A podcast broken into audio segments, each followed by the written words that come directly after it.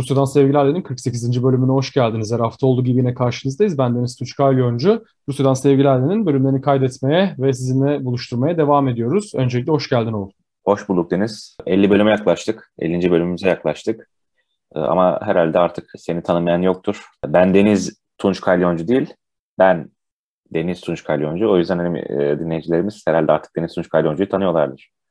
Bu da 50 bölüm sonra seni dinlerken şu an dikkatimi çekti. Evet ben Böyle de bir çok... zevzeklikle başlayalım dedim. Doğru söylüyorsun ama ben çok ezbere söylemişim bunu. Artık ben Deniz diyeceğim ya. Şey çok, çok hoş akıyor yani cidden çok hoş akıyor.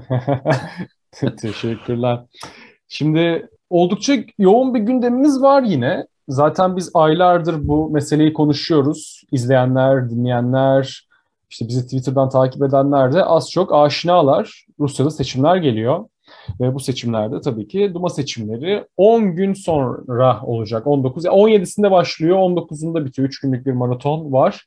Ama ilginç bir seçim olacak. Çünkü anketler biraz karışık. 2016'da yapılmıştı en son ve çok belliydi, tipikti. İşte Birleşik Rusya'nın dominasyonuyla geç, geçmişti. 5 yıllık bir süreçten sonra acaba tekrardan böyle bir şey olur mu derken muhalefet ilginç ataklar yapıyor. Yeni partilerin ortaya çıkması, %5'lik seçim barajını aşabilecek yeni partiler var ve bu partilerden belki de yani ne diyelim majestelerinin muhalefeti biraz kendini toparlamış gibi gözüküyor Duma seçimleri öncesinde. Özellikle Rusya Federasyonu Komünist Partisi'nin ilginç bir hata var. Ne söylersin bu konuda? Birleşik Rusya cidden e, hafif bir erimede yani bu bir AKP'nin mesela erimesinden çok daha çarpıcı şu anki kamuoyu e, anketlerinde yayınlanan araştırmalarda.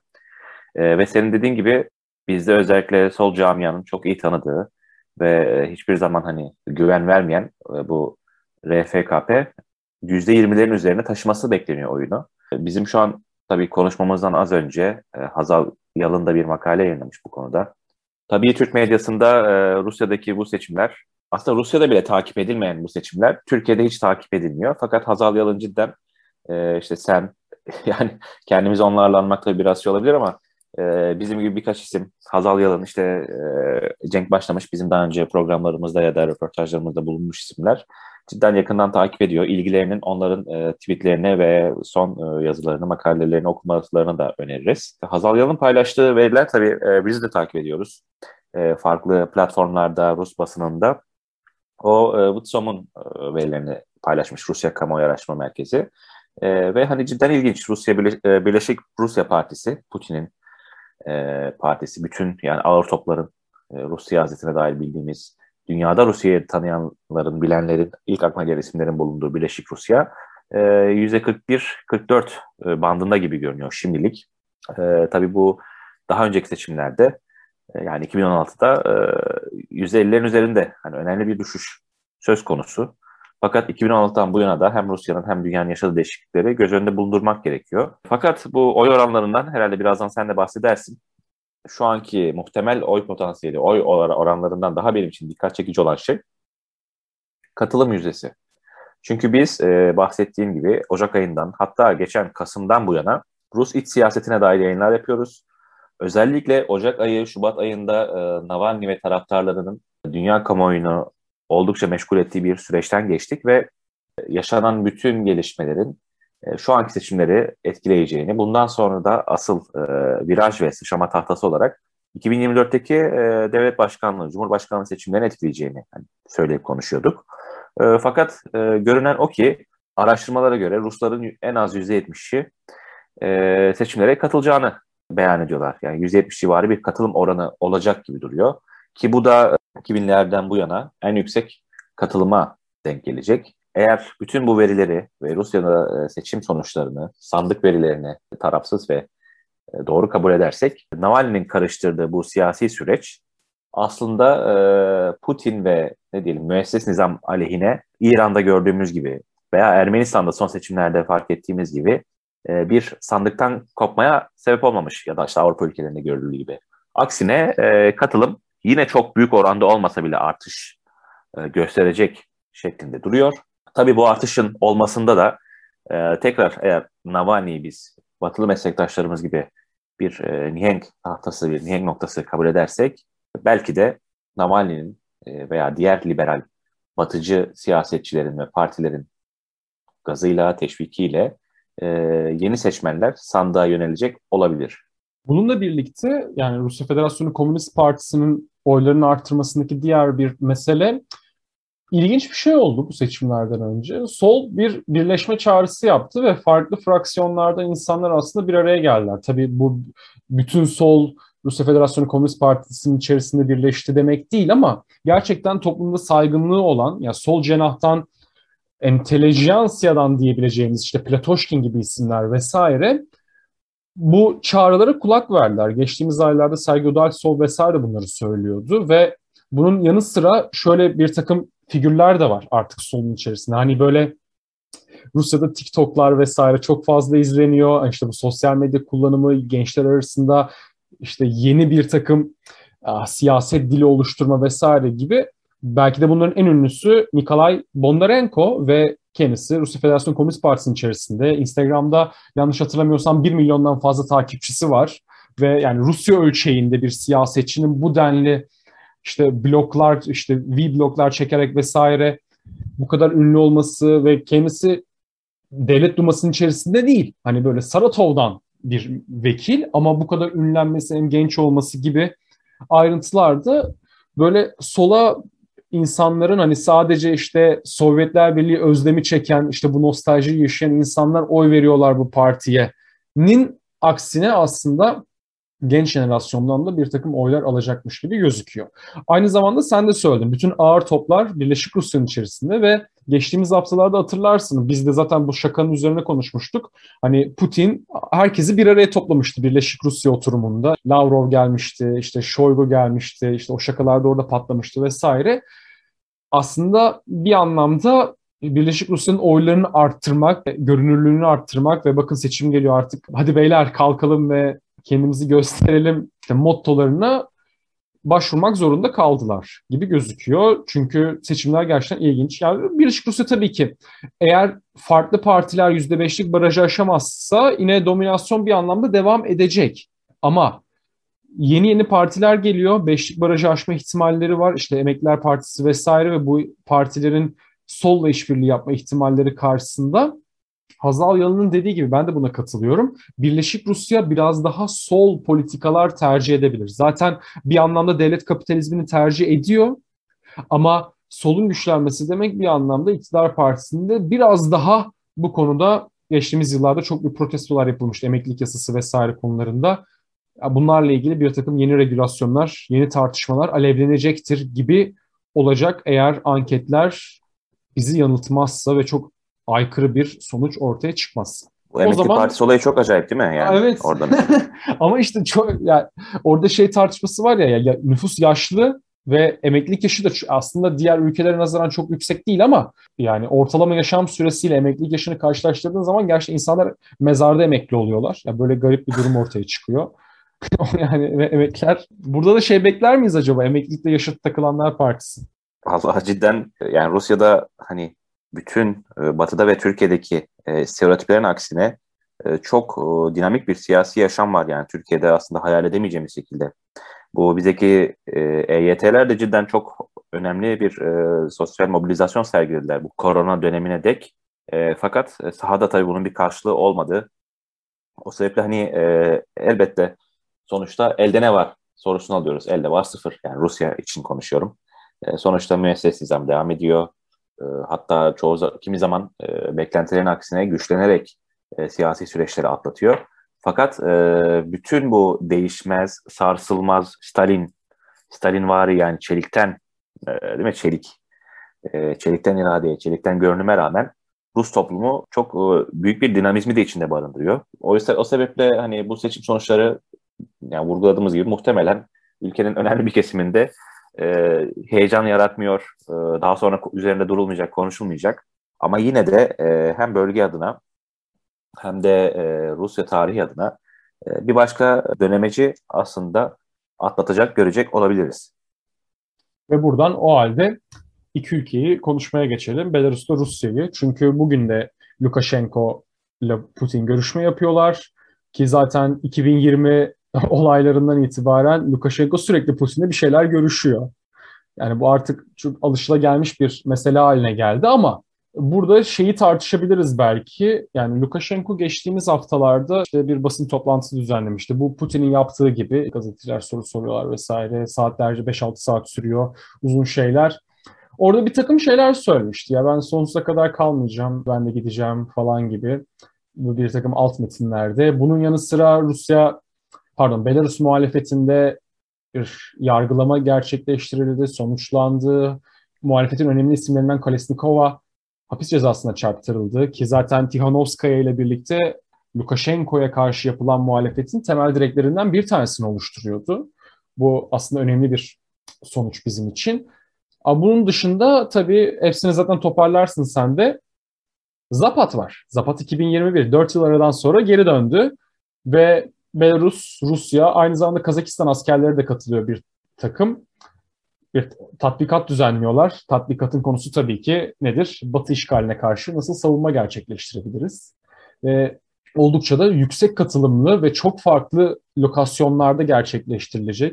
Ee, bir yerde en fazla 12.800 tutabiliyorsunuz. İşte bunun sözleşmeleri falan var ama farklı lokasyonlarda 100 bini aşan katılımcılı bir tatbikat düzenleniyor ve bu tatbikatta tabii ki geçtiğimiz hafta e, aylardaki Ukrayna krizi işte burada neyi nasıl yaparız tartışmaları Rusya'nın ne diyelim bir gövde gösterisi ya da agresifliğin her bunu nasıl adlandırmak gerekiyorsa adlandırabiliriz. Zapat da bunun için aslında iyi bir fırsat. Çünkü bölgeye nasıl asker taşıyacak, nasıl hareket edecekler, nasıl karşılık verecekler, işte sistemleri nasıl çalıştıracaklar gibi şeyleri denemiş olacaklar. Ve bu da aslında bölgenin gerginliğinde yeni bir gerginlikte yaratabilir. Çünkü son günlerde Donbas'ta birazcık karışık durumda.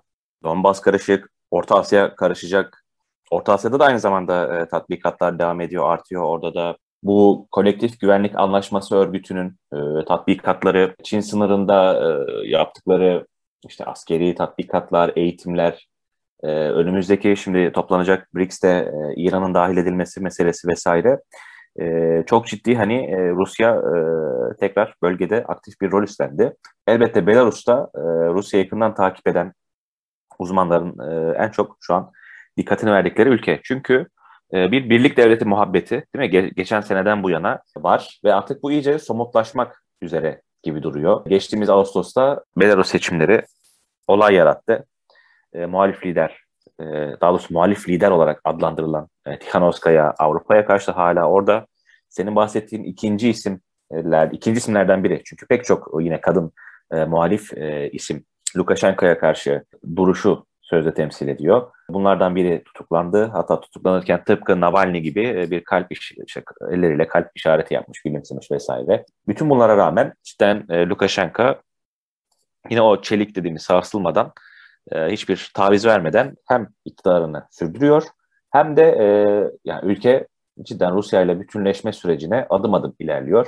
Şimdi sanıyorum enerji ve mali konularda birkaç başlık kaldı. E, bizim bu çekim yaptığımız 9 Eylül günü açıklamalar vesaire bekleniyordu. Tabii ki senin bahsettiğin Zapat'la beraber şu an devam eden Kaliningrad'da mesela önemli tatbikatlar var. Yani bütün bunlardan işte bir savaş geliyor, bölgesel çatışmalar artacak söylentileri, beklentileri olmamalı. E, fakat şu unutulmamalı ki Rusya tetikte. Çünkü şu anda Almanya'da Almanya seçim döneminde Avrupa'nın geleceği dönüşüm halinde. İktidarda bir Biden var ve Biden'ın ne yapacağı maalesef e, hala belli değil. E, kimseye güven vermiyor. Özellikle Afganistan'daki çekilmeden sonra. Tabii Rusya'da karnındaki, kucağındaki diğer krizlerle beraber e, Doğu Avrupa sorununu da bu şekilde çözmeye ne diyelim teşne. Çünkü Belarus cidden e, coğrafi konumuyla da enerji kaynaklarının üzerinden işte taşıyan e, bir ülke olmasıyla da unutmayalım Nord Stream'de geçtiğimiz hafta e, tamamen çalışmaya başladı. E, Rusya için cidden önemli bir ayağı temsil ediyor. Burada e, Lukashenko'nun muhtemelen kendi iktidarını uzatmak adına yaptığı tavizler ileride elbette çok daha tartışılacak. E, bütün anlaşmalar, e, konuşmalar, gezi belgeler yayınlandıkça bu konularda çok daha fazla şey söyleyebileceğiz. E, fakat görülen o ki bu bütünleşme süreci tüm hızıyla devam edecek ve herhalde yakın gelecekte artık cidden bu birlik devleti dediğimiz şey e, hayata geçmiş olacak. Ve bu da e, aslında Sovyetler Birliği yıkıldıktan sonra e, bizler için çok e, ne diyelim farklı bir aşamayı temsil edecek. İşte ilk büyük şok dalgası dünyada neydi? neydi? Kırım'ın ilhakıydı. Çünkü Rusya ilk defa eğer Gürcistan'ı saymazsak ki e, Gürcistan'daki Gürcistan'daki diğer iki devletçiğin konumu asla, asla Kırım'la bir değil ve statüs statüsü de bir değil. Çünkü Kırım doğrudan Rusya'ya bağlandı. Dünyaya böyle bir e, şok yaşattı. Şimdi bu birlik devleti de hem işte 19. yüzyıldan beri Türk tarihçilerin sevdiği panslavist akımın, politikaların bir e, somutlanması adına önemli bir dönemeç olacak. Hem de cidden e, Sovyetler Birliği dağıldıktan sonra Rusya'nın artık eski mirası mı deriz, e, eski ne diyelim e, anlaşmaları, ittifakları mı deriz, hangi kelimeyi kullanırsak kullanalım, e, birleşerek e, büyüyeceği e, bir aşamaya doğru gidiliyor. Tabii bunun muhtemelen başka tatbik sahası olmayacak. Yani Ukrayna'da dünya tersine dönmedikçe veya Orta veya Orta Asya devletleri içerisinde işte birkaç nesil sonra tekrar pro-Rus duygular güçlenmedikçe cidden daha fazla etki alanını bu şekilde genişletemez eğer işgalleri, askeri seçenekleri masaya koymazsak. Bu sebeple e, hani biz de muhtemelen önümüzdeki iki hafta sonra, önümüzdeki haftalarda Belarus konusunda özel bir yayın yapacağız bir konukla e, ve izlemeye takip edece- izlemeye devam edeceğiz. Evet, bu Belarus-Rusya meselesi yani sadece bu da değil. Yani Belarus'la Rusya ile başlayabilecek herhangi bir birleşme yani Sovyetler Birliği gibi olmasına gerek yok zaten bu birleşmenin ki ideolojik olarak zaten olmayacak. Ama böyle bir şey ihtimali bile diğer ülkeleri de bu konuda tetikleyebilir. Orta Asya'daki bir takım ülkeler özellikle Rusya ile iyi ilişkiler kuran ülkeler de böyle bir birliğin parçası olmak isteyebilirler ya da bir yerinden tutabilirler, gözlemcisi olabilirler vesaire. Yani bizi gerçekten ilginç günler bekliyor, ilginç zamanlar bekliyor. Hani bu şey Dickens'ın işte iki şehrin hikayesinde başladığı gibi işte zamanların en iyisi, zamanların en kötüsü diye. Onlardan bir tanesi de belki bizim için olur. Ve buradan da şuna Arktik'e geçelim. Çünkü Rusya'da bir bakan öldü ve Acil Durumlar Bakanıydı kendisi. Zvichev. Ama ilginç olan şey bir, bir tatbikat sırasında ölmesi fakat Arktik meselesi Rusya için gerçekten çok fazla şey ifade ediyor. Geçtiğimiz günlerde de sanırım e, petrolle alakalı bir e, demeç verilmişti. İşte kaç yıl yeter, nasıl yeter, işte Rusya burada nasıl çalışmalar düzenlemek istiyor vesaire. Yani Rusya Arktik'e daha fazla yatırım yapmaya devam edecek. Yani orayla uğraşmaya, bir şekilde orayı kendi çıkarına kullanmaya ilginç bir süreç de orada yaşanıyor. Bu ölüm hakkında ne düşünüyorsun? Yani çok alışkın değiliz çünkü böyle isimlerin hayatlarını kaybetmelerine. Evet yani 50'lerden 60'lardan sonra değil mi ilk defa böyle bir şey yaşamak. Hatta o dönemde bile aslında böyle kaza sonucu bir ölüm nadir bulunur. Fakat e, tabii başta üzücü bir gelişme ve komploculuğu kenara bırakırsak e, doğal gibi yani doğal karşılamak gereken çünkü hakkında en azından şu an için bir sır perdesi bulunmayan, iddia bulunmayan e, bir ölüm. Şu var, bakan bir e, askerlerden biri galiba ya da personelden biri işte kayalıklara düşüyor, düşmüş. E, tam onu kurtarmaya çalışırken bakan ölüyor. Fakat kurtarmaya çalıştığı kişi de hayatını kaybediyor. Yani öncelikle yaşananlara dair elde bir şey yok. Nasıl diyelim? Bir görgü tanığı yok. İkincisi yine göze çarpan bir başka iddia. Tabii bu çok cılız henüz güçlendirilmiş bir şey değil. Tabii bu bakan e, yani işte Yevgeni Zinichev'in Medvedev ve Shoigu'nun gelecek planlarına artık bu tabii tırnak içerisinde gelecek planları her neyse fakat e, gelecek planları deyince insanlar aklına zaten tek bir şey geliyor. E, gelecek planlarına köstek olduğu, engel olduğu ya da olabileceği yönünde iddialara hani rastladım. Ama dediğim gibi bunlar henüz temellendirilmemiş bazı cılız iddialar. yani içeride bir iç hesaplaşma söz konusu olabilir. Tabii hem biz hem e, Rusya'yı yakından takip eden herkes e, bu tarz komplolara alışık. E, bunları duymayı istiyorlar insanlar. Fakat şu an için kesin bir şey yok. Bakan işte e, hakkın rahmetine bu şekilde kavuşmuş. Ama unutmayalım Şoygu karanlık demek istemiyorum fakat cidden e, derin bir isim Rus siyasetinde. Özellikle işte Putin'e yakınlığı, kimi isimler tarafından, e, kimi uzmanlar tarafından Putin'den sonrasına aday gösterilmesi, halbuki bunu karşılamayan pek çok özelliği de haiz. Onları da daha sonra belki Şoygu üzerine, Lavrov üzerine konuştuk. Belki Şoygu üzerine de konuşuruz. E, bunun başkanlığı ya da işte devlet başkanlığı çok e, kesin bir şey değil. Fakat böyle isimlerin işin içine karıştırılması elbette e, altının boş olamayacağını gösteriyor. Tabii Arktik'te yaşanması bu olayı çok daha başka bir e, şey ortaya çıkarıyor. Rusya, şimdi iddiaları tekrar bir kenara bırakıyoruz bu cılız iddiaları. Rusya Arktik bölgesi için bir e, cidden üst düzey şehit vermiş durumda yani kendi açısından. Bu çok önemli. Bu sebeple hani olaya sadece artık e, işte jeopolitik, enerji vesaire boyutlarından bakmıyoruz. E, yavaş yavaş değil mi? Bu coğrafyanın Rusya için kanla hani e, kanla örülen, örtülen bir e, yer haline geldiğini görüyoruz. Arktik üzerine de yakında bir bölüm çekelim. Çünkü e, burada e, çok önemli cidden yatırımlar var. Askeri olarak e, Ukrayna kriziyle eş paralel bir dönemde e, burada Rusya nükleer denizaltılarla müthiş bir tatbikat yaptı. Hani dünya tarihinde benzeri olmayan eş güdümlü, eş zamanlı olarak buzları kırdılar denizaltıları ve nükleer füze fırlattılar e, Kuzey Kutbu'nda. Bunun yanı sıra özellikle Çin'den kalkan işte e, tankerlerin e, artık Süveyş, e, Hint Okyanusu yönünü değil, yukarıyı takip etmeye başladığını, deneme sürüşlerini zaten son 4 yıldır yaptığını biliyoruz. Arktik'te artık e, hani, küresel ısınmanın etkisiyle sadece ısınma, e, sadece erime değil, artık e, yaz aylarının uzunluğu da e, bu tarz e, akışları çok güçlendiriyor. Bunun yanı sıra bu bölgede e, Hindistan-Rus işbirliği cidden Çin'e karşı bir denge oluşturma potansiyeli taşıyor.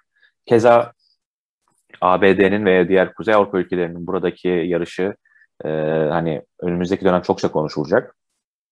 Elbette ki yani biz artık uzman değiliz fakat yakından takip etmeye çalışıyoruz.